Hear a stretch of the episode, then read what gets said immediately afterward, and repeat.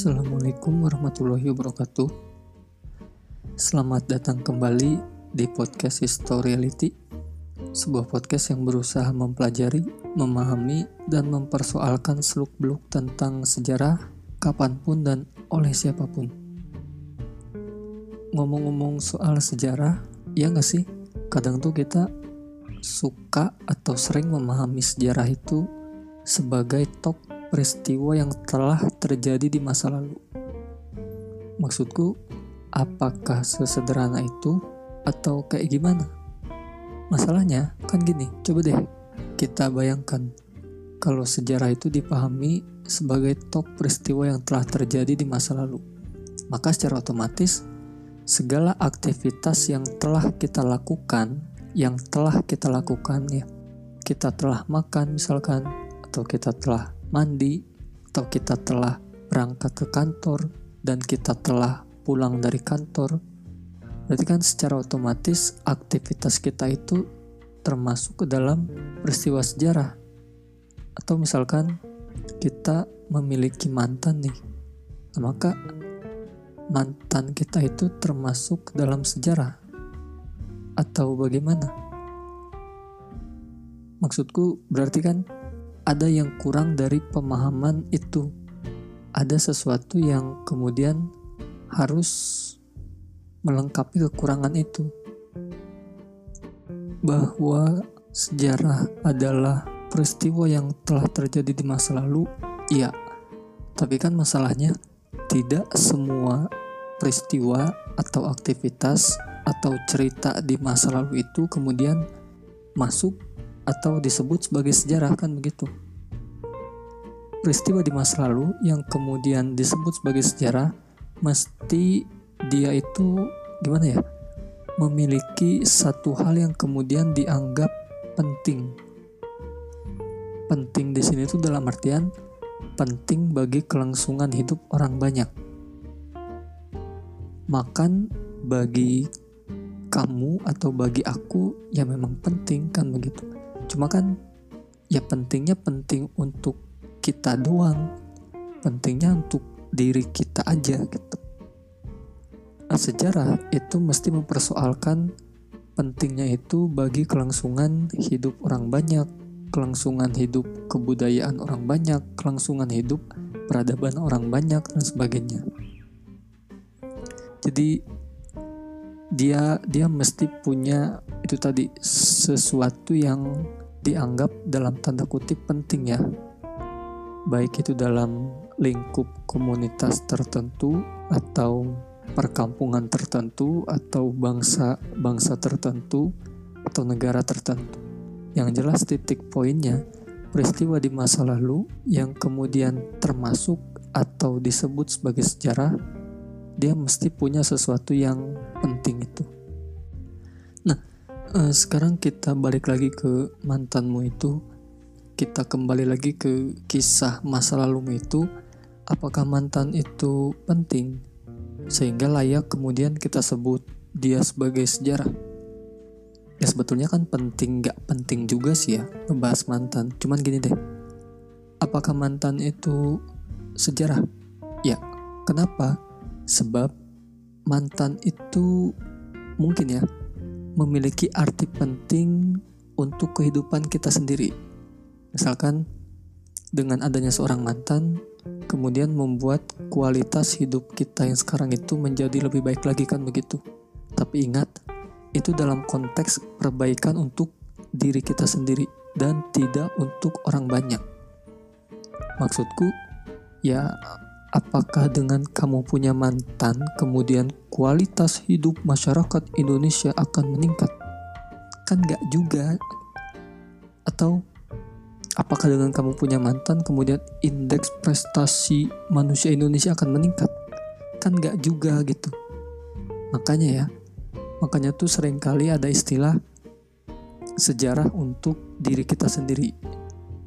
Dalam arti, sejarah yang memiliki arti penting untuk diri kita sendiri kan begitu.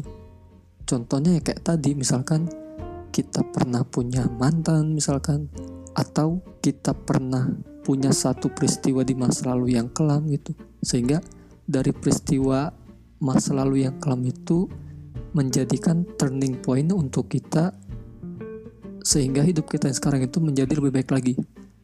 Kan begitu jadi peristiwa yang kelam itu kemudian menjadi momentum agar kehidupan kita ke depan itu menjadi lebih baik lagi kan begitu. Jadi apakah mantanmu itu sejarah? Apakah aktivitas atau peristiwa di masa lalumu itu termasuk sejarah? Ya iya juga gitu. Tapi dengan catatan sejarah untuk diri kita sendiri sejarah untuk dirimu sendiri. Dan lagi pula kan yang termasuk peristiwa di masa lalu yang kemudian kita sebut sebagai sejarah itu kan mesti mesti satu peristiwa yang kemudian memiliki arti penting.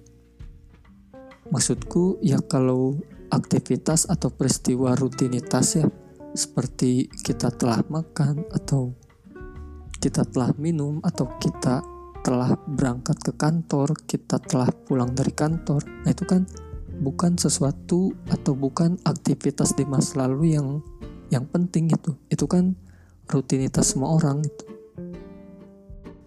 Asik juga ya kita ngomong soal sejarah.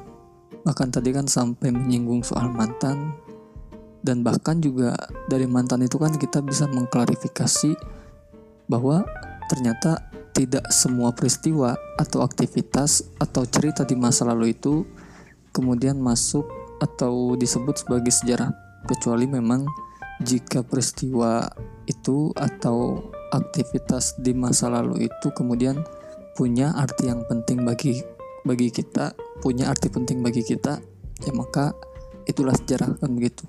Tapi ingat dalam konteks sejarah untuk diri kita sendiri jika peristiwa itu punya arti yang penting untuk diri kita. Nah sekarang gimana dengan sejarah untuk orang banyak? Biasanya ya, biasanya di mata pelajaran sejarah yang kita pelajari bersama di sekolah, nah itu tuh pasti terkait dengan sejarah untuk orang banyak. Contohnya ya kayak misalkan kita mempelajari soal sejarah masa pergerakan di Indonesia dari tahun 1908 sampai 1942 atau juga kemudian kita mempelajari sejarah masa revolusi fisik ya di Indonesia dari tahun 45 sampai 49 dan sebagainya banyak sebetulnya. Masalahnya kenapa kok di sekolah tuh hanya membahas itu? Ya karena dari peristiwa-peristiwa itu kan dia yang kemudian punya arti penting bagi orang banyak. Dalam hal ini orang banyaknya itu terkait dengan kelangsungan hidup bangsa kita kan gitu. Karena dari peristiwa proklamasi atau dari peristiwa masa pergerakan atau dari peristiwa revolusi fisik, nah itu kan dia punya arti yang penting bagi bangsa kita gitu. Makanya itulah yang kemudian kita pelajari di mata pelajaran sejarah sekolah. Cuman begini, maksudku jangan sampai kemudian kita mengecilkan atau kita menempatkan pemahaman tentang sejarah itu atau pemahaman tentang peristiwa di masa lalu itu hanya dalam konteks keindonesiaan saja. Maksudku, ya jangan sampai pemahaman kita tuh mengecilkan bahwa sejarah itu ya harus atau selalu tentang masa revolusi, masa proklamasi, masa pergerakan, perang dunia, kemudian perang dingin dan sebagainya. Jangan sampai mengecilkannya terhadap itu aja. Ya jangankan dalam konteks Indonesia ya. Bahkan kan tiap-tiap orang, tiap komunitas, tiap-tiap daerah or anything gitu kan ya mereka pasti punya sejarahnya sendiri dong kan begitu mereka pasti punya satu peristiwa di masa lalu yang penting buat mereka. Ya maka mereka juga kan secara otomatis ya punya sejarahnya sendiri kan begitu. Cuma memang kenapa kok di sekolah itu mempelajari sejarah yang tentang perang dunia lah tentang proklamasi tentang apalah tentang revolusi fisik lah tentang pergerakan tentang kemerdekaan kenapa? Ya mungkin ya. Karena saking luasnya sejarah di sekitaran kita ya mungkin tidak tidak cukup waktu mungkin ya atau tidak cukup ruang untuk ya kita pelajari semuanya di sekolah kan gitu. Tapi betul emang serius uh, ini aku mau berbagi pengalaman aja sih ya. Jadi aku mau ber berbagi pengalaman bahwa memang cakupan sejarah itu atau pemahaman tentang sejarah itu memang sangat luas serius sangat luas. Ini waktu aku kuliah misalkan ya banyak juga gitu temanku yang melakukan penelitian sejarah. Ada yang tentang sejarah pangkas rambut Garut. Jadi dia berusaha mencoba melihat kenapa sih pangkas rambut itu pasti terkait dengan orang-orang Asgar ini kan begitu kemudian ada juga yang mencoba melihat sejarah perkembangan sepatu di Cibaduyut.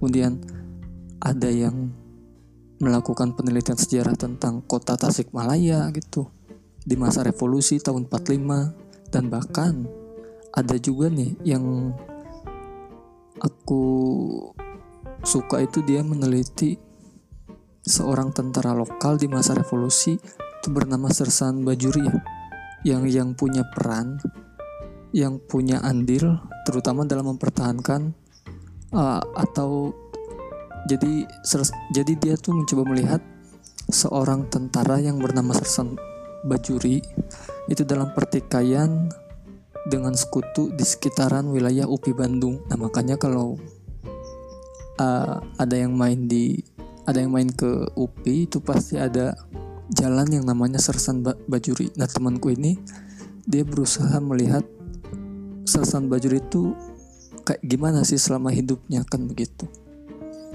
I mean ya sejarah tuh serius dia tuh sangat luas gitu. Tidak hanya soal perang dunia perang dingin kemerdekaan bangsa kita dan sebagainya tapi luas banget. Kenapa luas banget? Ya karena tadi tiap orang tiap komunitas tiap keluarga tiap daerah ya pasti mereka punya peristiwa penting di masa lalunya pasti mereka punya sejarahnya sendiri kan begitu dan mudah-mudahan ke depan nanti podcast ini bisa bisa saling memberikan informasi ya bahwa sejarah itu memang luas. Oke, uh, terima kasih telah mendengarkan untuk sementara. Kayaknya sampai sini dulu dan mudah-mudahan ke depan nanti kita bisa saling berbagi informasi lagi tentang betapa luasnya sejarah itu sebab sejarah memang dialami oleh siapa pun tanpa pandang bulu. Oke, eh, terima kasih telah mendengarkan. Tetap di rumah dan jaga kesehatan. Assalamualaikum warahmatullahi wabarakatuh.